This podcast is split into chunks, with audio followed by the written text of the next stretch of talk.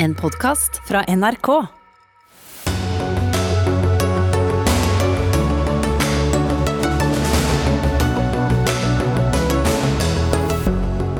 Delta-varianten av koronaviruset har satt en støkk i regjeringen som utsetter videre gjenåpning av Norge. Stefan Löfven har sikret støtten han trenger, ser det ut til, for å bli statsminister i Sverige igjen. Men hvor lenge holder det denne gangen? Plan har sviktet 20 000 barn på Sri Lanka og ført faddere bak lyset, ifølge Bistandsaktuelt. En knusende internrapport viser at organisasjonen hadde interne problemer og brukte brorparten av pengene på Sri Lanka på å administrere seg selv, før den plutselig trakk seg fra landet. Roy Jacobsen melder seg ut av Forfatterforeningen. Nok en stemme gjør seg gjeldende i debatten om ytringsfrihet og Ytringsfrihetskommisjonen, og vi møter ham her i Dagsnytt 18 i NRK P2 og på NRK1. Fra og med i dag kan eh, folk strømme til fra såkalt grønne europeiske land eh, og reise karantenefritt til Norge. og Samtidig frykter regjeringen delta-varianten, som kan føre til en fjerde smittebølge i koronapandemien. Trinn fire av gjenåpningen blir utsatt. Bjørn Gullvåg, helsedirektør, i dag var det pressekonferanse nummer 200 om korona. Er det lov å håpe at det ikke kommer 200 til? Ja, det er det absolutt. Jeg tror ikke vi kommer til å oppleve det. Nå er det optimisme. Og så er det samtidig sånn at uh, vi, vi, har egentlig ikke utsatt, men vi har justert uh, tidsplanen litt. Uh, det har hele tiden vært sagt at vi skulle bruke data og ikke dato. Og dataene har ikke vært helt fullstendig på plass til at vi anbefaler å gå til trinn fire. Og det dreier seg både om den nye varianten, delta-varianten, men også at mange kommuner har litt tøff jobb nå gjennom sommermånedene med litt lite bemanning, og skulle håndtere uh, all smittesporingen og, og, jobbingen med karantene. Sånn at det er flere faktorer som spiller en rolle. Og Så fikk vi også noen meldinger ikke sant, i juni om at vi fikk litt færre vaksiner enn det som vi hadde lagt opp til tidligere. Så Derfor er det fornuftig å bruke litt lengre tid Eh, og Det er også det som eh, Verdens helseorganisasjon i Europa har anbefalt. Så dere holder dere til det dere hadde bestemt når det gjaldt dataene, og venter til brikkene faller på plass. Men ja. når vi nå hører på flyplassene at folk står der med kofferter og sjekker inn og venter gjerne i halvannen time i kø for det, og, og det er reisefeber igjen, ja, er det sånn at vi egentlig burde holdt oss hjemme hvis vi bare tenkte virus? Ja, hvis det eneste vi tenker på er virus, så kunne man jo holdt seg hjemme. Men folk gjør jo ikke det, heldigvis. ikke sant? Vi har jo veldig mange andre planer i livet vårt. og Derfor så er det nå rom for å kunne reise mer. Men det er også en litt øket risiko. Men så vil jeg også si at, og det tror jeg Camilla vil kunne si litt om også, at, eh, at vi må ikke overdrive den, den ekstra risikoen vi har ved dette deltaviruset. Det er det samme viruset, men det er litt mer smittsomt, eh, denne varianten av viruset. Så, så eh, jeg tror dette kommer til å gå ganske bra. Ja. Men vi kan få naturligvis smitteoppblomstring utover høsten. Litt mer enn vi har nå, og det skal vi også kunne tåle, tror jeg. Men i løpet av juli så blir det da fritt frem også for arbeidsinnvandring fra hele EØS-området, som kanskje mange i næringslivet gleder seg over, og, og grønnsaksbønder osv. Men eh, det vil jo være en ekstra belastning på, på smittesituasjonen. Det vil være en ekstra belastning med reiser i det hele tatt på smittesituasjonen. Jo, men Spesielt når det da vil åpne opp fra For dette var jo problemet også i fjor, at vi hadde tilfeller med arbeidsinnvandring som medførte smitte. Ja, og da må man jo ha gode rutiner for å håndtere de som kommer fra områder med høyere smitte. Så, og, og, og hva er rutinene nå? Eh, ja, akkurat per nå så innebærer jo det at eh, eh, det er nødvendig å ha avstand til, til de som man da jobber sammen med, slik at man unngår å spre smitte. i denne situasjonen. Men vil de kunne komme inn uten karantene fra land som ikke er grønne? Eh, slik situasjonen er nå, så kan det ikke det. Men uh, dette vil jo bli vurdert fortløpende utover sommeren og høsten. Camilla Stoltenberg, ja, hvor farlig er delta-varianten når vi ser utviklingen i Storbritannia, Portugal og, og sørover i Europa? Delta-varianten er mer smittsom. Det kan hende at den uh, har en større tendens til å gi alvorlig sykdom, men det er fortsatt usikkert.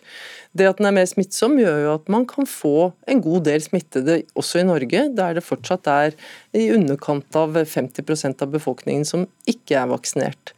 Og Da vi satt her i forrige uke, så sa du at dere følger dette hele tiden. Og nå har det gått Ja. nesten en uke siden sist du, Ja. du satt her.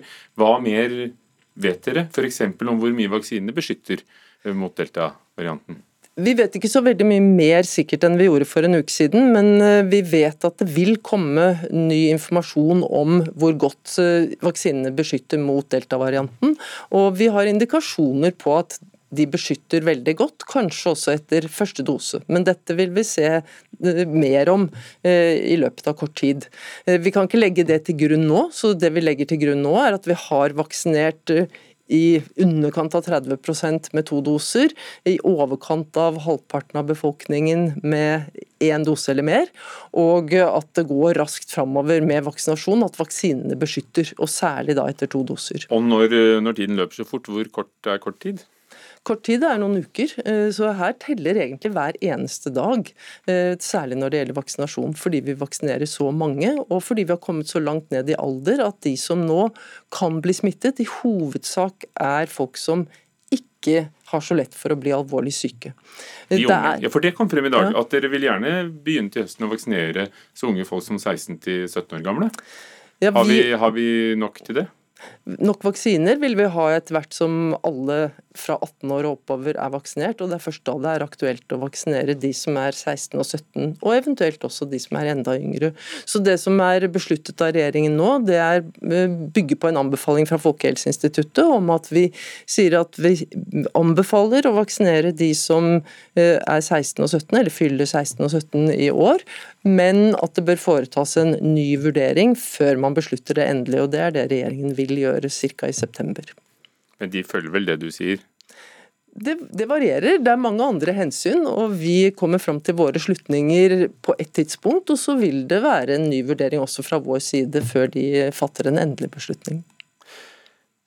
Bjørn Gullvåg, hvis vi kommer tilbake til arbeidsinnvandring, så når vi hører at det er såpass mange usikre momenter, så hvilke tanker gjør du deg om en fjerde, mulig fjerde smittebølge? Det er mulig med en fjerde smittebølge, men jeg tror ikke den vil få så store konsekvenser i Norge som eh, de bølgene som vi har sett tidligere. Fordi eh, vi er såpass godt beskyttet, og i tiden fremover så vil det jo være langt flere som da vil være beskyttet av eh, vaksinen. Og vil vi da kunne kreve f.eks., vil du, dere, kreve vaksinepass for de som kommer og og skal jobbe, akkurat som det etter hvert ser ut til å bli noe man kan eh, sette som betingelse for arrangementer og Ja, dette er det jo regjeringen som eh, vil beslutte, hvordan, eh, hvilke regler de skal ha når det gjelder arbeidsinnvandring. Nei, Det er jo å anbefale at de som er fullvaksinert, de kan jo komme inn. og Det, det kan de jo allerede nå, uten at de behøver å gå i karantene eller å ha testes eller å, å, å innreiseregistrere seg. Så eh, Det som er anbefalt når man skal reise på tvers av land, er jo at man er eh, godt vaksinert hvis man er voksen. Vi har snakket lenge om dette med flokkimmunitet, Camilla Stoltenberg. Når får vi det? Det er ikke et bestemt punkt der det inntrer, eh, og vi ser jo at vi har virkninger av at så mange er vaksinert allerede nå, og særlig det at de som har høyest risiko er vaksinert. Vi har svært få over flere uker, egentlig lang tid, som blir innlagt på sykehus, trenger intensivbehandling, og svært få dødsfall. Og eh, Det er et tegn på at vaksinene virker. og Så er det ikke et bestemt knekkpunkt, og ingen vil sette et tall på det. Folk snakker om 70-90% men det har nok delvis med hva man har av forventninger om vaksinedekning å gjøre også. I Norge ser det ut til at vi kan få over 90% vaksinedekning blant alle de som får tilbud om vaksiner. og det Fordi er- de er så villige til å få et nålestikk? ja, fordi man er villig til det, fordi det gir beskyttelse for en selv og for omgivelsene, og fordi det gir muligheter for gjenåpning, ikke bare kortvarig, men også på sikt. Og Det betyr at eh, hvis det blir så bra, så vil vi få en høy grad av flokkimmunitet. Men som sagt, ingen vil sette et helt bestemt tall på det. Betyr dette Bjørn Gullvåg, at nå er også da helsevesenet da i normalt eh, gjenge når det gjelder alt som til tider har vært satt på hold, eh, avhengig av hvor i landet det har vært, da, planlagte operasjoner og Fremdeles er belastningen ganske stor på kommunene. Så der er det mye arbeid med naturligvis vaksinering, også smittesporing, og de må ha en høy beredskap. Så den tyngste børa nå, den ligger i kommunene. I spesialisthelsetjenesten så tror jeg nesten alle foretak nå er tilbake på grønt, grønt, beredskap. og Det betyr egentlig at de er på et veldig lavt beredskapsnivå, og, og kan nå ta igjen en del av det som har vært utsatt tidligere i løpet av det siste året. Vi har vel inntil nå hatt et litt strengere regime enn andre europeiske land, og også enn en, en Danmark f.eks. Er du glad for det nå? Har det vært riktig? Ja, jeg tror det har vært riktig. Og så kan det være at vi har hatt andre forutsetninger enn Danmark. Vi ligger litt annerledes lokalisert i Europa. Så det er veldig mange forhold som spiller inn her. Jeg tror danskene også har gjort en formidabel jobb med, med selve pandemien, og veldig, veldig mange andre land. Men eh, foreløpig så tror jeg at de valgene vi har tatt, stort sett har, har vist seg å være ganske gode for Norge. Og Så er vi naturligvis åpne for at fremtidige evalueringer kan vise at vi har gjort feil. Takk skal dere ha. Bjørn Gullvåg, hestedirektør, og Camilla Stoltenberg, direktør i Folkehelseinstituttet. Vi høres igjen.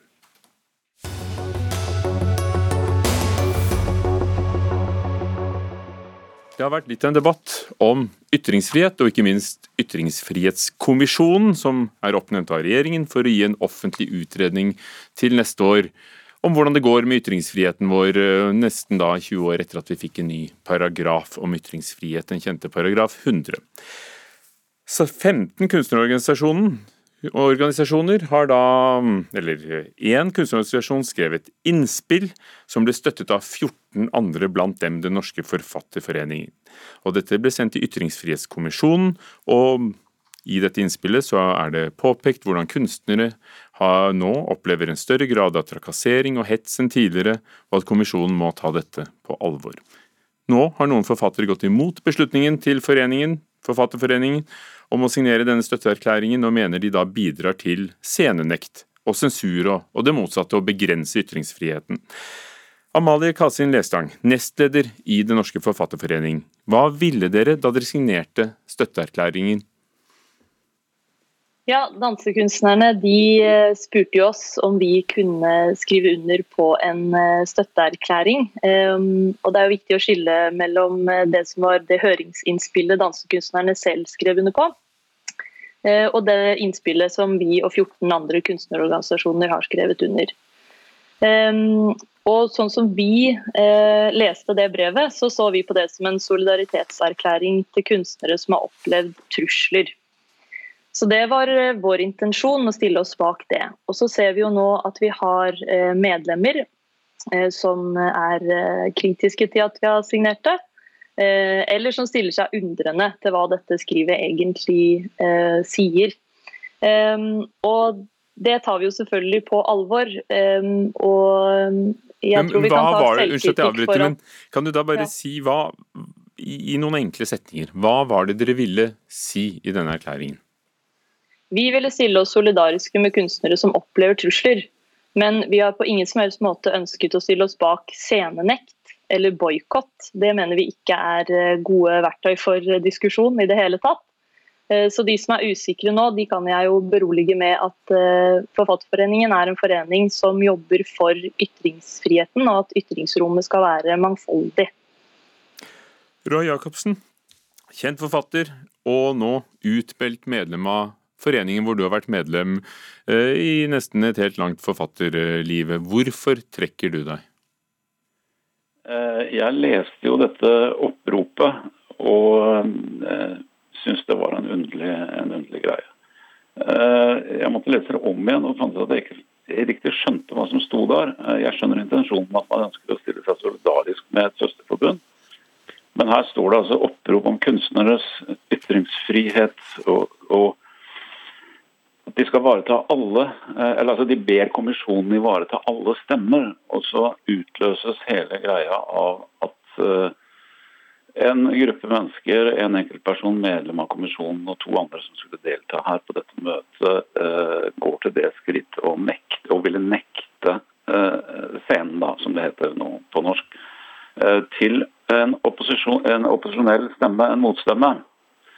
Eh, dette henger ikke på greip. Det oppropet er såpass dårlig og selvmotsigende skrevet og bryter med alt jeg står for når det gjelder ytringsfriheten. Jeg holder den veldig høyt. Det er oksygenet vi, vi puster i. Og som vi er fullstendig avhengig av. Så jeg sendte et brev til uh, min kjære ledelse og spurte om det fantes noen mulighet, en plattform eller en mikrofon hvor jeg kunne uttrykke min dissens til at foreningen på mine vegne, mine og andres vegne, men spesielt mine nå i dette tilfellet, uh, det fantes det ikke, fikk jeg høre.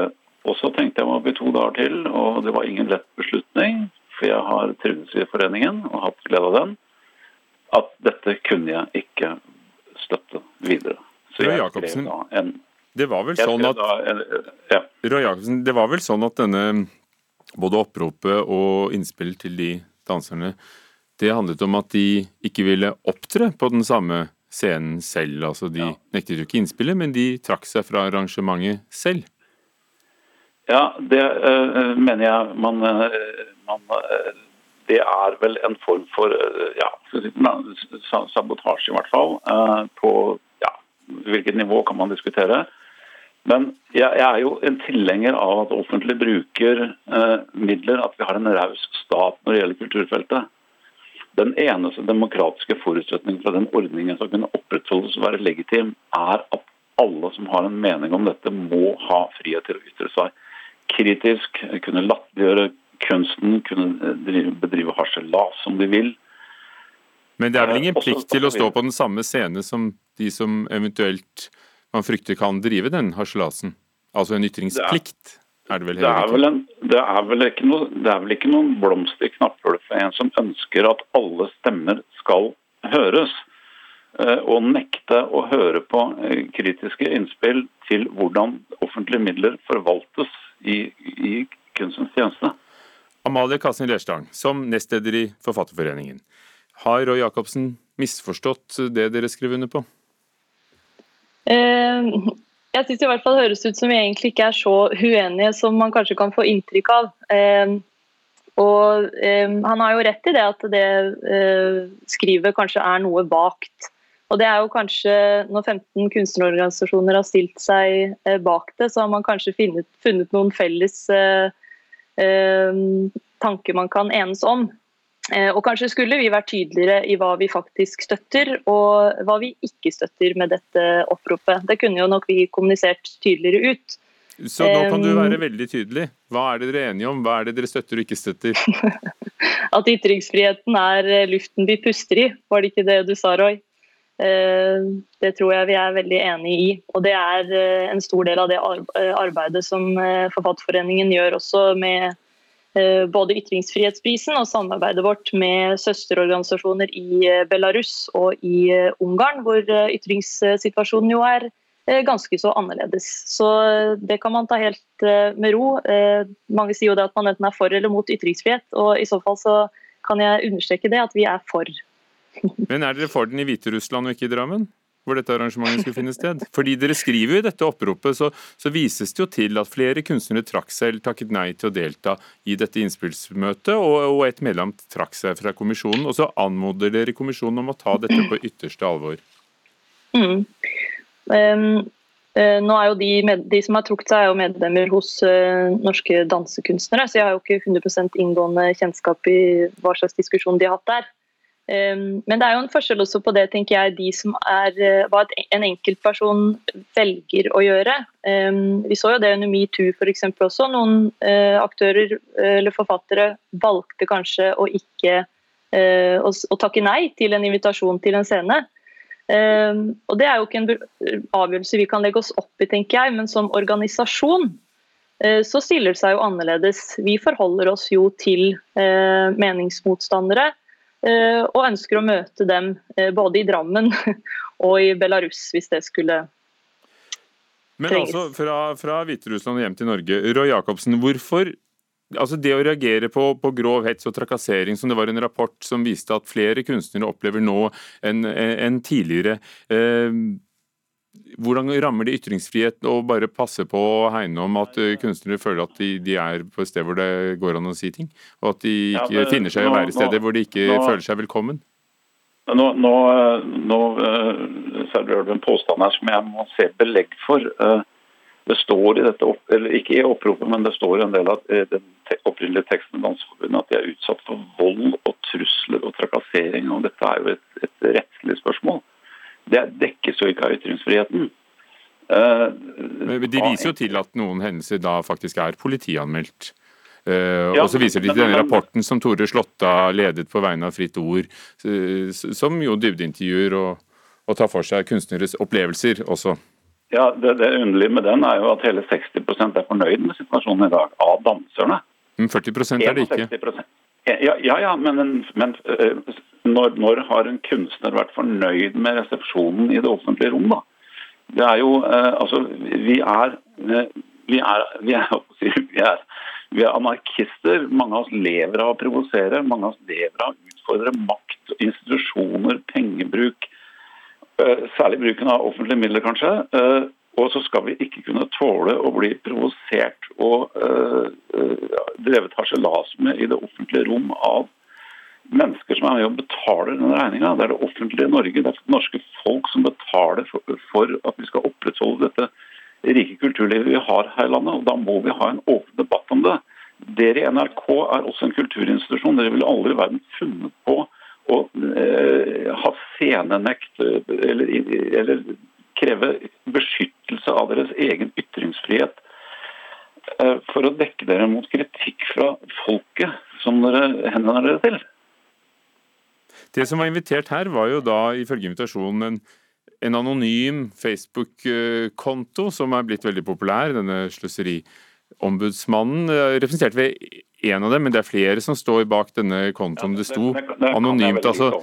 Er det ikke litt annerledes? Jeg, jeg, jeg, kan vel litt om det der. Jeg kan ikke forholde meg til, til Jeg kan ikke navnet på vedkommende. Men Hva er din oppfordring til Lerstang og foreningen din? Det, øh, Tidligere foreningen. Jeg syns du skulle revurdere øh, denne teksten, se nøye på den, Øh, Syne sammen på en måte som gjør det begripelig. Og en solidaritets, og, og tenk, ha i bakhodet hele tiden at en solidaritetshandling det er prisverdig nok, men den trumfer ikke ytringsfriheten.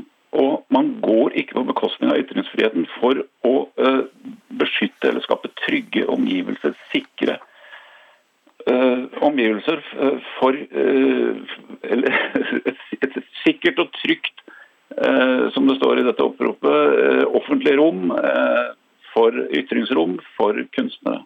Det er ikke kunstens vesen, det vil drepe kunsten. Og Du får jo ifølge, ifølge artikler hos oss i NRK støtte av, av, navn som Vigdis Hjort og Erik Fossnes Hansen og Amalie Kassen Lerstang. Ja, kan dere gjøre oppropet tydeligere? Ja, jeg det er jo kanskje det jeg prøver på nå, å understreke litt tydeligere hva vi har støtta og ikke støtta.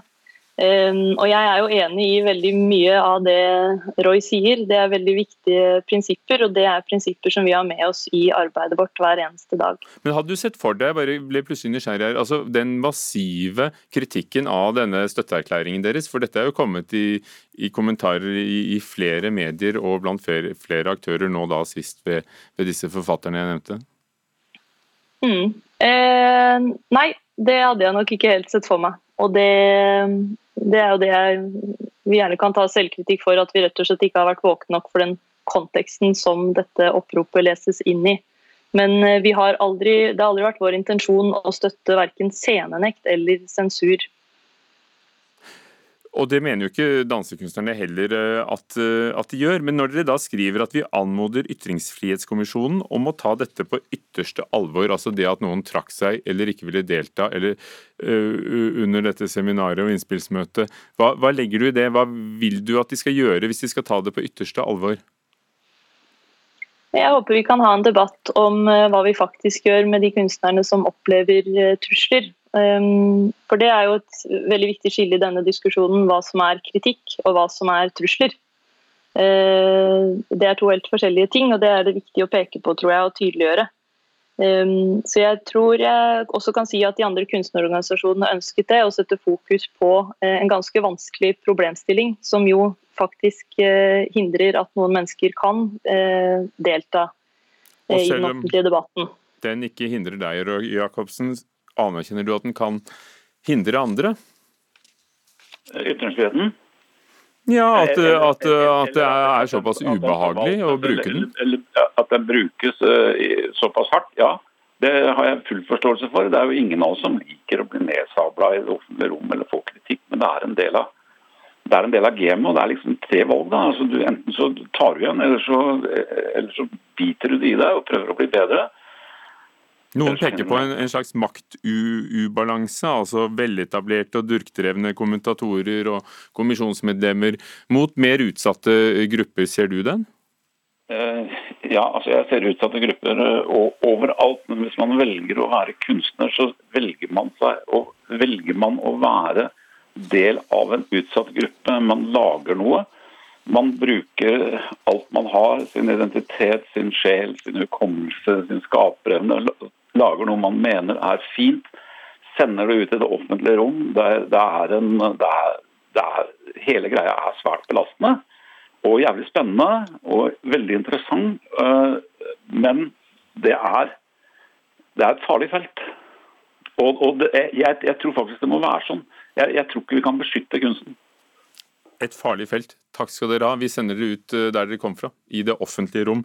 Roy Jacobsen, forfatter. Amalie Kasin Lestang, nestleder i Forfatterforeningen.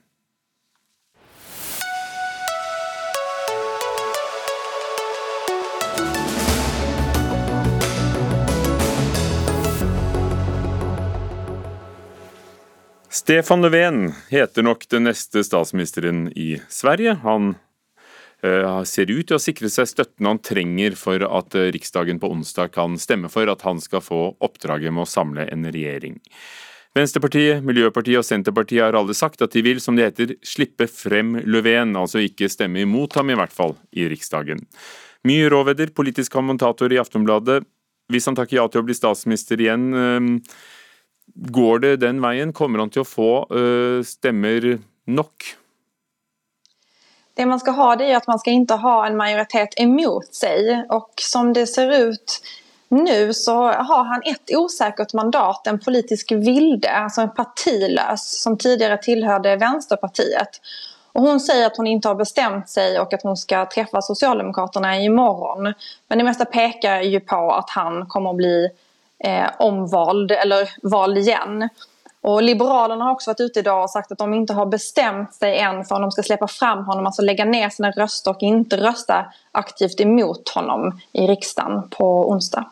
Og hvor lenge vil det vare? Når høsten kommer med budsjetter og politiske saker, og han då har enda mer tynnslitt støtte i, blant de folkevalgte? Ja, det är ju den stora frågan nu. Han måste ju då få igenom sin budget i höst. För annars har han sagt att han kommer att, eh, att säga upp sig. Han kommer att avgå som statsminister.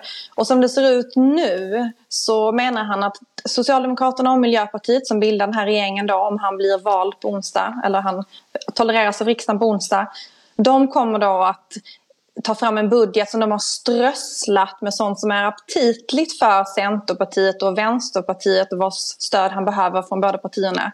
Eh, med förhoppningen att de då ska rösta på den här budgeten i höst. För att till skillnad från statsministeromröstningen så i budgeten är det den som får flest röster som vinner. Så det är två helt olika sett att rösta.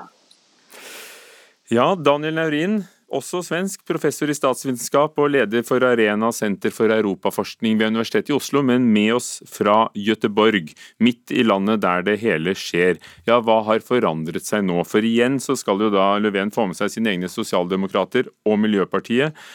Men altså den, eh, alle de partiene han må ha denne støtten fra, det er jo en broket forsamling.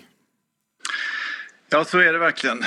Det som har eh, hendt eh, denne uka, er jo at Ulf Kristersson, moderatlederen, moderatledaren, eh, försökte men eh, lyckades inte samla det stöd som behövdes och frågan gick tillbaka till, till Stefan Löfven. Stefan Löfven har ju ibland kallats för politikens Houdini och nu verkar han ju faktiskt krångla sig ur det här också. Och det är ju lite svårt att inte bli imponerad av hans förmåga att ta sig ur politiska svårigheter. Samtidigt så så skjuter han ju delvis problemen framför sig. Det är ju det sättet han tar sig ur den här knipan nu. Eh, han har inte säkrat stöd för budgeten. Han har en mycket liten och splittrad koalition bakom sig. Ett mandats övervikt. Och eh, i den här koalitionen, om jag ska kalla den för det, eh, så finns ju partier som inte ens vill prata med varandra. Mm. Centerpartiet och Vänsterpartiet. Att, men det troliga är ju att Löfven väljs som statsminister på onsdag och att vi får en ny regjering fra og med fredag. Hvordan er eh, stemningen i Sverige for deg som følger med på, på politikk? Nei, men det er jo litt paradoksalt. Vi feirer 100 år av demokrati i Sverige i år. Det er jo 100 år siden 1921 innførtes den allmenne røstretten i Sverige fullt ut. Og... eh, det är klart, vi har ju bilden av oss själva som väldigt stabila och konsensusinriktade demokrater där det råder ordning och reda, ungefär som i Norge skulle jag säga. Så eh, det är klart att det här svider lite grann. De här problemen vi har haft tyder ju på att det finns olösta problem i svensk politik. Eh, och det handlar ju om att vi har en, eh, en parlamentarisk situation sedan ganska lång tid tillbaka, sedan Sverigedemokraterna kom in i riksdagen redan 2010 som de politiska partierna ännu inte har lärt sig att hantera helt enkelt. Det är ju många svenskar som är förundrade över detta.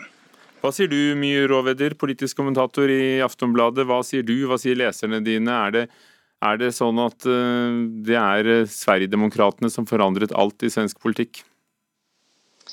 Ja, de har ju förändrat möjligheterna att eh, få fram liksom, majoritetsregeringar och de har också gjort att alliansen då, som, det har ju varit två block i stort sett i svensk politik. Socialdemokraterna har lett det röda blocket och Moderaterna har lett det blåa och högra blocket. Och det har ju liksom brutits upp nu och det var ju dödsstöten för det här det skedde ju med det här januariavtalet när man bröt upp den här alliansen efter valet 2018. Men jag skulle säga att det finns ju opinionsundersökningar som visar att svenska folket inte är jättesugna på ett extraval och eh, att man istället ser att det här löses i, på det här sättet i de här talmansrundorna och att man inte behöver gå till valurnorna. Men jag menar, det ju, för det var ju det andra alternativet, att man går till extraval istället för att lösa upp förhoppningsvis då ett parlamentariskt läge. Er det noe som tyder på at noen av de andre partiene ønsker å, å innlate seg på, på samtale, samarbeid med, med Sverigedemokraterna på ytterste høyre? Som det ser ut nu så har ju högersidan som Moderaterna och Kristdemokraterna öppnat för ett samarbete och de har ju också tagit ett stort steg i det den här. Under Ulf Kristerssons sonderingsförsök, alltså det försöket han hade, fick först att bilda en regering, så satte de sig och pratade med Sverigedemokraterna och inledde de här förhandlingarna som de ju redan har flaggat för kommer komma efter nästa val 2022 när vi har ett ordinarie val. Så att i svensk politik så det stora som har hänt den här, de här två veckorna är egentligen att Sverigedemokraterna har tagit det slutliga steget in i den politiska värmen och är nu en del av ett block som aktivt förhandlar och tar fram politik tillsammans med Moderaterna och Kristdemokraterna och eh, Liberalerna lite på flanken. Det är ju oftast, just nu i Sverige det är lite svårt att veta var Liberalerna befinner sig. Det är inte någon som riktigt vet vad de har bestämt sig för att vara. Men de har ju sagt att tillhöra det här eh, högerblocket också och acceptera att det finns ett samarbete med Sverigedemokraterna där. Ja, Daniel Naurin, dette er vel ganske paradoksalt. at uh, På en side er jo dette her, hele det som har skjedd nå, en seier for Venstrepartiet, tilsvarende vårt uh, SV. For de gikk jo imot, uh, de gikk jo inn for denne mistilliten mot Leven fordi det var mot husleieregulering på nybygde boliger. Og så har det gjort at i løpet av de siste ukene er da Sverigedemokraterna mer inn i folden i, i, i mainstream-politikk. Ja, det kan man ju säga. Det, det var ju en, en, eh, ohelig allians som fällde regeringen. Eh, både Vänsterpartiet och Sverigedemokraterna gick ju faktiskt samman och, och fällde regeringen. Vi har ju den här muligheten möjligheten i den svenska författningen som, som statsvetare kallar för destruktiv misstroendeomröstning. Att du kan rösta ner en regering utan att nödvändigtvis ha ett eget alternativ att ställa upp mot den regering du just har röstat ner. Och, eh, det var ju en risk från Vänsterpartiet. Eh, det hade kunnat leda till en högerregering som eh, Vänsterpartiets väljare absolut inte vill se. Eh, men nu får man väl säga att Vänsterpartiet kommer ut ur detta som vinnare. Dels så, så blev man ju av med det här policyförslaget om, om marknadshyror som man är väldigt starka motståndare mot. Och samtidigt så har man visat upp nu att man inte accepterar att vara ett passivt stödparti till Socialdemokraterna så som man har i alla fall uppfattats vara under många år tidigare. Mm. Tack ska du ha, Daniel Naurin som leder Arena senter for europaforskning, og, og mye råvedder i, i Aftenbladet. Ja, det er spennende tider. Hvor, eh, hva skjer nå, tror du? Hva, hva, slags regjering tror du han vil eh, presentere? Er det nye folk? Er det, er det noe du vil eh, glede deg til? Det vi har sett av Stefan Löfven under de här åren är att han är ganska försiktig med regeringsombildningar som det ju blir nu om han ska, om han ska presentera, om han blir tolererad och han ska presentera en ny regering. Och att de gånger han har haft en regeringsombildning under de här åren så har det oftast varit väldigt få byten. Det har varit få nya ministrar och det har oftast varit att någon har, blivit, har slutat på grund av någon personlig anledning eller att man har avgått liksom, som språkare eller sådär. Så att försiktighet verkar vara hans paroll här. Så vi ska nog inte förvänta oss för stora förändringar i den här regeringen som sitter nu tross alt stø kurs. Takk skal du ha, Mye Råveder, politisk kommentator i Aftonbladet.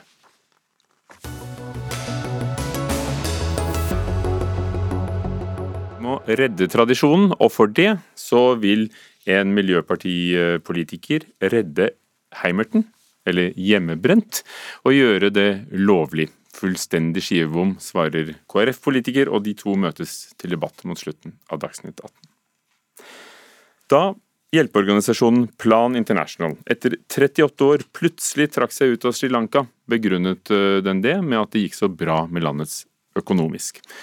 Sannheten skulle vise seg å være en annen, i hvert fall ifølge interne plandokumenter vises det til uholdbart høyt kostnadsnivå og eksepsjonelt lav moral blant de ansatte. Alt dette står å lese i rapporteringen fra Bistandsaktuelt. Shazia Majid, kommentator i VG, du har også grepet fatt i dette. Hva synes du om det du har lest? Du skriver altså at de har, eh, de har forlatt 20 000 lutfattige barn? Det er eh, rystende faktisk å lese den rapporten og se hva som har skjedd. Det som har opprørt meg mest, det er jo pengebruken. Hvordan man har brukt givermidler. Eh, og jeg skriver jo at det er grotesk bruk av innsamlede, innsamlede midler. Fordi at de har brukt to av tre kroner enkeltprosjekter på, eh, på mm, organisasjonskostnader. Og det er jo helt eh, uholdbart. For Vanligvis så ligger jo sånne kostnader på rundt fra 5 til 15% her i Norge. Av hva man skal bruke på å drifte en organisasjon. Så, det er jo det mest alvorlige. Og så da selvfølgelig det du nevner om I bunn så er det jo sånn at Plan International har fullstendig mista kontrollen på driften i Eh, da på plan Sri Lanka. Og, For det gjelder det, aktiviteten på Sri Lanka? Ja, det er, der, det er det det handler om. Ta på dere hodetelefonene, dere som sitter i studio. Vi har med oss Tor Aksel Bolle, journalist i Bistandsaktuelt. Det var dere som skrev om dette allerede i april i fjor. Da intervjuet dere faddere som ikke lenger fikk ha fadderbarnet sitt på Sri Lanka. Og hva skjedde etterpå? Nei, da begynte vi å kikke litt på denne saken. fordi Det som var oppsiktsvekkende, var jo at planen trakk seg ut så veldig veldig plutselig. Altså Så brått. Det er uhyre sjelden at hjelpeorganisasjoner gjør det um, så plutselig. Fordi at det, man vet at det vil få skadevirkninger for de menneskene man skal hjelpe.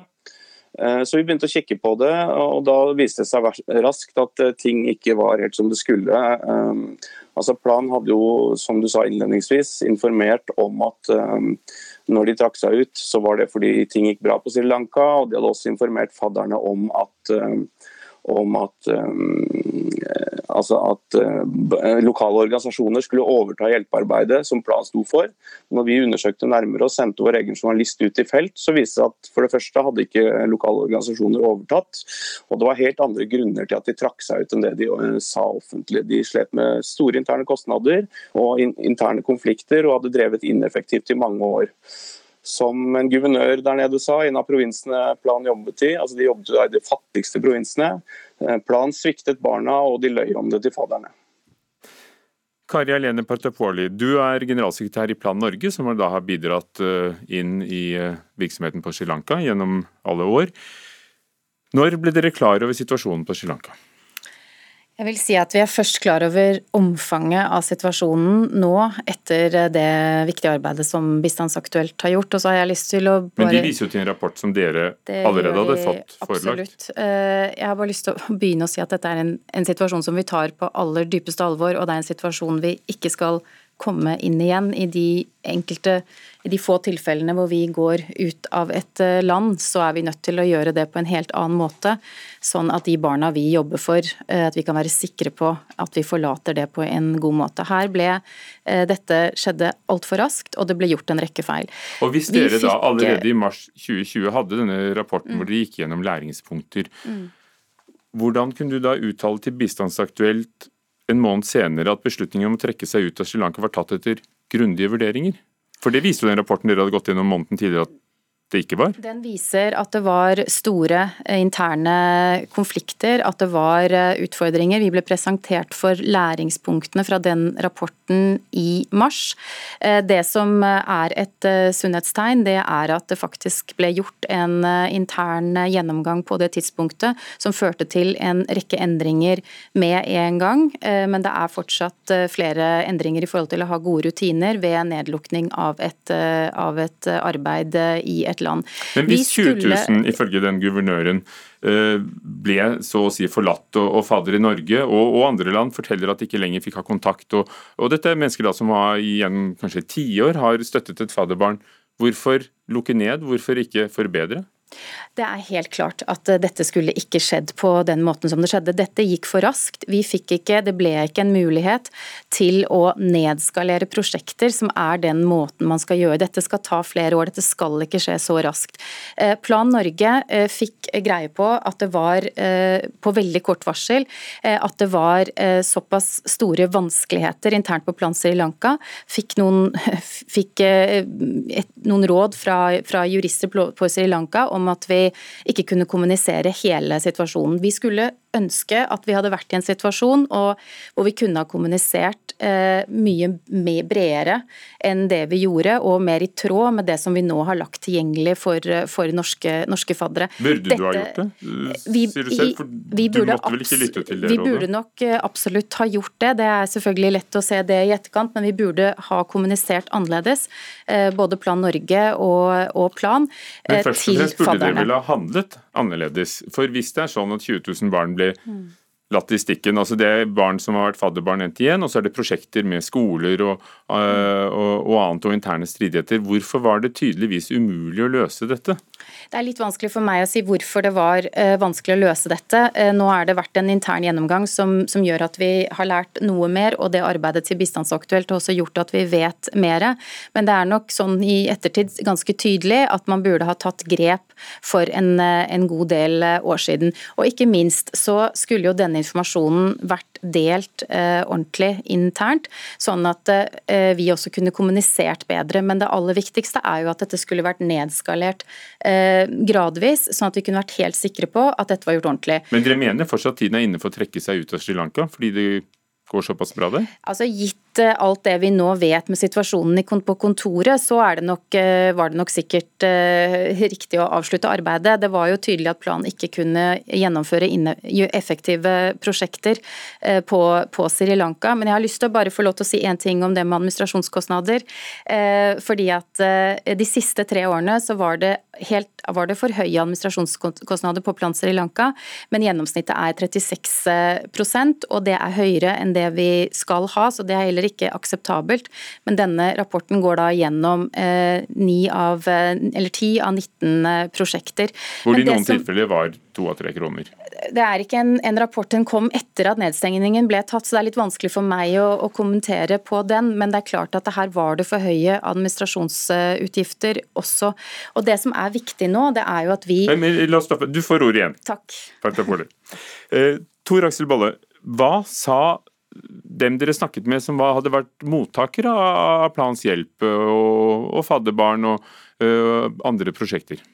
Altså, vi, hadde, vi, jobbet sammen med en lokaljournalist her nede, og han dro jo til flere av de områdene som Plan hadde jobbet i. Dette er svært fattige områder, altså blant de fattigste områdene på hele Sri Lanka. Og de Vi snakket med, vi snakket med titalls familier som hadde fadderbarn. De visste ikke, ante ikke noe om hvorfor planen hadde dratt. De hadde fått null informasjon. Og mange av de hadde jo da mistet eh, hjelp, som eh, var veldig viktig for dem i og med at de er såpass fattige. Så de hadde ikke fått den informasjonen, og det var heller ingen, som, ingen organisasjoner som er lokale organisasjoner som jeg sa i sted, som hadde overtatt slik planen hadde kommunisert utad. Så der var situasjonen veldig vanskelig, rett og slett. Plan lovet fadderne at en del av prosjektene skulle da bli overtatt av andre. Har dette skjedd, etter det dere vet? Nei, altså ikke, ikke, de områdene vi besøkte. Der hadde det absolutt ikke skjedd. og Det er jo i tråd med det flere kilder sa også, bl.a. guvernøren, den tidligere guvernøren i UVA, som var en av de provinsene hvor planen jobbet. Eh, så, så, det skjedde ikke i de områdene vi besøkte. Men går det an å si at eh, altså Her innrømmer jo da Plan Norge i hvert fall at, at dette gikk for fort og det gikk eh, feil. men at på et eller annet tidspunkt så er det riktig av en organisasjon å trekke seg ut fordi enten de ikke klarer det selv, eller fordi eh, betingelsene er bedre for folk? Ja, det, det, er, det er, selvfølgelig det, må, det, må, være en mulighet. Men, men, det er jo tempoet her som er det kritiske. Altså Vanligvis bruker organisasjoner mange år på å trekke seg ut fordi, de ikke skal, fordi man ikke skal, ikke skal gå utover de menneskene man hjelper, slik at de kan få forberede seg og lokale organisasjoner kan få forberede seg på at de skal overta. Men her skjedde det altså nærmest over natten. Og, og, og mottakerne av hjelpen ble ikke informert. Det er det som er det mest alvorlige. Og så er jeg litt uenig i den beskrivelsen. Altså, disse områdene som planen jobbet i, var de aller fattigste områdene på Sri Lanka, hvor 20-25% lever under fattigdomsgrensen. De har i liten grad tatt del i den økonomiske veksten på Sri Lanka eh, som planen henviste til. Da. Så, eh, så det, den argumentasjonen kjøper jeg ikke helt. Ja, Shazia Majid i, i, i, VG, hva reagerer du mest på? At planen trakk seg ut, eller at det gikk for fort, eller? Jeg reagerer egentlig på hvordan dette er mulig. Fordi at dette skjedde jo ikke over natten. Her er det jo uh, en, en, av de mest anerkjente, uh, tradisjonsrike, viktigste bistandsorganisasjonene, internasjonale bistandsorganisasjoner som jobber med barn, som da åpenbart ikke har hatt kontroll over lang tid. Og så, De trekker seg ut raskt, men dette her må jo ha pågått lenge. Og at de ikke klarer å rydde opp i det, jeg syns det er Det er eh, skader eh, troverdigheten til planen. Ikke bare International, men Plan Norge, Plan Sri Lanka. altså Hele egentlig bistandsfeltet. Fordi at Hvis en, en så sterk organisasjon ikke har kontroll, så, så er det fare på ferde. Ja, Hvordan kan vi tro på dere nå, Kari Helene Petapoli? Dere og, og andre, fordi vi sitter jo langt unna, ikke sant? Jeg er jo enig i kritikken her, og dette er jo kritikk som, eh, som Plan Norge også rettet eh, ganske med det samme inn i, eh, inn i vår, vårt system. og Det var også flere andre plankontorer. Vi er enige at dette gikk Danmark annet. Eh, ja, det var mange. Men Hvordan kan vi tro på dere nå? Det som, for det første så gjelder dette Plan Sri Lanka. og det vi, vi må ta læring, det er det aller viktigste. Vi må også komme til bunns i det, sånn at dette ikke skjer igjen. Det er skjedd noen endringer allerede. Vi har forbedrede rutiner. Det Plan eh, Norge har gjort, det er at vi har gått en ekstra runde med faktisk alle plankontorene eh, for å dobbeltsjekke at det ikke er noe lignende eh, under oppseiling. Eh, vi har også gått en ekstra runde med de landene hvor Plan Norge har de største prosjektene. Og jeg kjenner ikke igjen organisasjonen min her, og dette er ikke representativt for de 50 landene som, som vi er, men dette er en veldig alvorlig sak, og hele omfanget av den har blitt kjent nå i, eh, i ettertid. for allmennheten, ja. Men dere må jo ha fått, for, fått uh, greie på dette allerede i mars, da dere fikk internrapporten? Ikke, ikke omfanget av den. Den er det Bistandsaktuelt som, som, uh, som legger på bordet. Og det, det har vært gjort et, et viktig, viktig, arbeid der. Vi burde ha visst det. Ja, betyr, ja, For dere reiser vel ned, dere har vel kontroll? Ja, men vi har ikke, vi har ikke visst omfanget av disse kontroll. konfliktene. Dette er, Vi har gått ekstra runder nå med alle landene. Vi, det skjer læring. Vi er ikke ferdig med det. Vi skal komme til bunns i det. Eh, og, og det, det, er viktig at det, sånn skal vi ikke gå ut av land. For eh, hva hadde skjedd, Erik Skarrum, sekretær for Innsamlingsrådet i NRK. Hadde dere gitt årets TV-aksjon til Plan Norge hvis dere hadde visst om det som har skjedd på Sri Lanka som har blitt kjent nå? For det er blitt kjent offentlig etter at dere ga årets aksjon i oktober til Plan. Ja, det er et spørsmål som er veldig hypotetisk og som det er helt umulig å svare på. For det er helt umulig å gå tilbake til den diskusjonen som Innsamlingsråd hadde i juni i fjor, og putte inn det premisset. Så det spørsmålet ditt er rett og slett umulig å svare på. Ja, er det umulig når dere får vite at et stort prosjekt, eh, der er det avdekket det organisasjonen selv har vært svikt, både i hvordan de har handlet og hvordan de har håndtert det som har skjedd. Eh, hvis dere hadde fått den informasjonen da søknaden ble sendt, eh, som var på et tidspunkt hvor, eh, hvor dere jo allerede gikk gjennom læringspunktene. Hadde det påvirket søknaden om å bli årets TV-aksjon? Som sagt, Det er umulig å svare på. Fordi vi visste ikke om denne saken da Innsamlingsrådet innstilte til hvem som skulle ha TV-aksjon i år, i juni i fjor. Det som er viktig nå, når vi kjenner til den, er at Innsamlingsrådet og NRK har fått en orientering av Plan Norge om situasjonen. For det første så er det jo sånn at TV-aksjonspengene i 2021 i oktober i år ikke skal gå til Sri Lanka. Sri Lanka er ikke en del av søknaden til plan. De har jo trukket seg ut. Ja, det er riktig. Det er fem andre land, og det er heller ikke en fadderaksjon. altså Det er ikke en tradisjonell bistandsaksjon eh, som sådan som planen skal ha med TV-aksjonspengene. Det er altså en kampanje for å hindre barneekteskap i fem land eh, i Afrika og Asia. Eh, Men når vi hører Skarut, om, om, om, det som har skjedd da på Sri Lanka, hvordan skal eh, TV-seerne stole på at ikke eh, en uforholdsmessig andel går til administrasjon, at det går til prosjekter hvor det er kontroll, også i Norge, at vi ikke må lese om det i Bistandsaktuelt. Hva vil du si til TV-seerne? Ja, og Det er et godt spørsmål, og der har vi mye bedre svar. fordi eh, det er sånn at I alle TV-aksjoner, altså i prosjektene som alle organisasjoner som har TV-aksjonen, der er det maks 5% til administrasjon. Det betyr f.eks. hvis planen nå skulle få f.eks. 200 millioner kroner eh, netto av årets TV-aksjon, så er det altså kun eller maks 10 millioner kroner av de 200 millionene som kan brukes på administrasjon.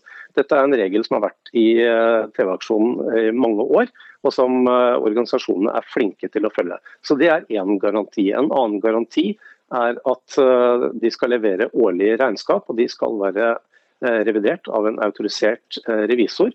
Og Dette er altså regnskap som vi går gjennom hvert eneste år.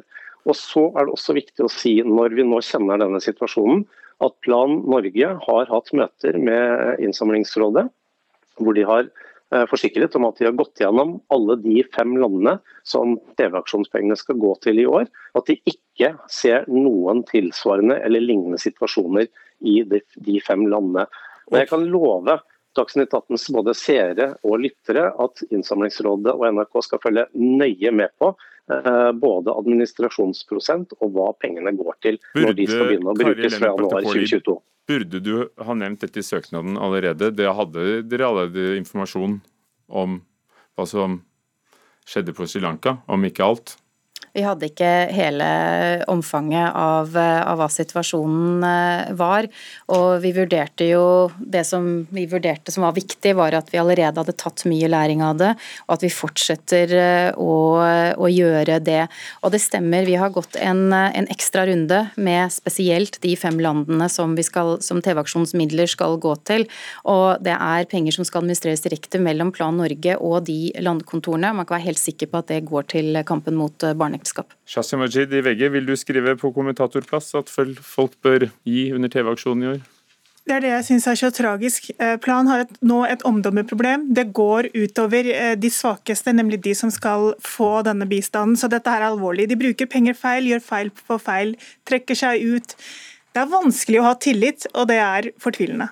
Men du føler deg ikke betrygget av det jeg hørte nå? Om... Eh, jeg må se det før jeg tror på det. Takk skal dere ha.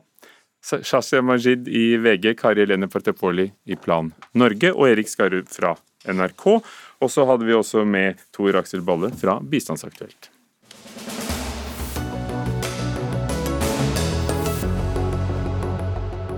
Du trenger ikke mye for å brygge sprit, eller destillere sprit. Men eh, til sammen så er det forbudt vann, gjær og sukker, eller, eller, noe annet kan du putte i. Men 30 år etter at hjemmebrent ble forbudt, så ønsker en stortingskandidat for Miljøpartiet De Grønne at hjemmebrent skal bli lovlig igjen, skriver Trønderavisa. Tommy Reinås, stortingskandidat for Miljøpartiet De Grønne i Nord-Trøndelag. Hvorfor? For det første, eh nå stiller jeg jo til valg for Miljøpartiet De Grønne for å få en politikk i Norge som er bra for klima og miljø. Eh, Dette er ikke den hovedsaken vi går til valg på. Men jeg mener at det er ja, det er bedre det enn langreist, tenker jeg. Og jeg kan se for meg et utvalg av trøndersk konjakk, trøndersk whisky, trøndersk gin istedenfor langreist. Eh, og vi lager jo egen vin og vi lager egen øl. Hvorfor kan vi ikke nå ta en debatt om at vi også kan lage vår egen brennevin? Øyvind Håbrekke fra Kristelig Folkeparti, faglig leder i Tankesmien Skaperkraft og, og stortingskandidat for KrF i Trøndelag.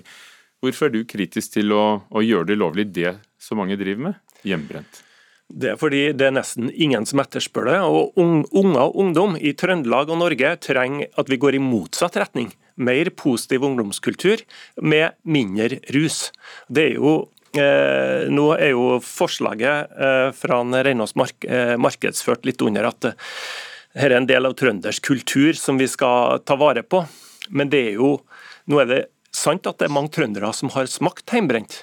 Men det er veldig få trøndere som bruker heimbrent og har det som en del av sin mat- og drikkekultur. Dette trenger ikke vi. Bruken av heimbrent har gått ned. og vi vet at. Det gikk litt opp under pandemien. Ifølge politiet i Steinkjer så var de på flere ungdomsfester med, med hjemmebrent, mye flere enn før pandemien. Ja, og det kan, jo, det kan jo godt være, men ser vi over en generasjon, over 20-30 år, så er det en drastisk reduksjon. Eh, sånn at herre er ikke en del av den trønderske mat- og drikkekulturen i det moderne, i det moderne Norge, moderne Trøndelag. Og det samme skjer vel blant ungdom. Alkoholforbruket har gått kraftig ned. Men Du vil jo at alkoholforbruket skal gå ned, men hvis du skal, først skal drikke, kan de ikke brenne det selv? Ja, da, da, ønsker vi jo i hvert fall at de bruk, holder seg til de svakere alkoholdrikkene, og ikke de sterkeste. Og, og, Her har vi hatt en veldig positiv utvikling, og den vil vi ta vare på. Vi trenger mindre rus blant ungdom, og så skal vi utvikle trøndersk mat- og drikkekultur sånn som den er i dag. Tommy Reinås, eh, ikke karsk? Ja, Nå snakker jo eh, Håbrekke om eh, drikkekultur, han snakker om hvordan ungdom bruker rusmidler. Jeg er jo helt enig. Jeg har jo ikke tatt til orde for at ungdom skal nyte alkohol. Jeg står jo solid bak 20 års aldersgrense. Men jeg tenker det er jo bra at Håbrekke sier at han ikke erfarer at folk drikker hjemmebrent. Det er jo ikke tillatt. Men du vil tro at hvis man går litt lenger tilbake i tid, så var det nok veldig mange som hadde erfaringer med det. Og Min erfaring med det, jeg var jo, jeg var jo ungdom den gangen det var tillatt, det var jo at det var ingen som drakk ren hjemmebrent eller ren eh, brennevin, men man blanda det ut i andre ting. Så at det ble en svak eh, alkoholprosent på det. Men det viktigste tenker jeg, er at hvis vi kunne ha bevart det her håndverket før de som kan det, alle er på gamlehjem, eh, så kunne vi da ha bidratt til knoppskyting innenfor også de som da starter egen virksomhet med å lage whisky, eh, konjakk, eh, gin osv. Men nå er det jo stadig flere lovlige norske brennerier også, norsk gin og, og eplebrennevin og annet eh, som ikke er lagd på kjøkkenbenken, men som er lovlig å selges på polet? Absolutt, men jeg kan se for meg at vi kunne ha fått et større mulighetsrom hvis vi har kunnet hatt erfaringer med det her hjemmefra. I forhold til å kunne da ha en knoppskyting i forhold til mikrobrenneri. Sånn som vi har sett når det gjelder mikrobryggeri, i forhold til at det er tillatt i dag å lage egen øl hjemme og egen vin. Knoppskyting, mulighetsrom og, og cola? Ja, så Om tre uker så åpner Norges største matfestival. Og Det er trøndersk matfestival, fordi at vi har hatt en enorm satsing på, på mat- og drikkekultur. Er du sikker på at det er større enn Gladmat? Ja, ja. I hvert fall en stor matfestival. Ja, det er en stor matfestival. Og, og Det viser jo at det skjer veldig mye bra i, Norge, i Trøndelag, både på mat og drikke, som vi skal ta vare på og videreutvikle. Men jeg opplever ikke at den næringa Det er en enorm kreativitet og innsatsvilje, men jeg oppfatter ikke at den næringa etterspør åpning for, for, hjemmebrent. Jeg tror vi trenger helt andre signaler. Vi ønsker mindre rus, ikke minst blant ungdom, der hjemmebrent har vært et problem. Før, før... Du, du, sa det, men, men ja. la meg bare høre veldig fort, eh, Tommy Reinås. Blir det en hovedsak i valgkampen for deg som stortingskandidat? Det, hovedsaken for meg er jo at Norge skal føre en politikk som gjør at eh, vi kan overlate denne kloden til våre barn, som gjør at eh, vi er i balanse med naturen. Vi eh, overlater Norge, denne kloden ja, også, og eteren til andre, vi. Takk skal Norge dere ha, Tommy Reinås okay. og Øyvind Håbrekke. Dag Dørum var ansvarlig for Dagsnytt 18. Lisbeth Sellreite, teknisk ansvarlig. Takk for oss.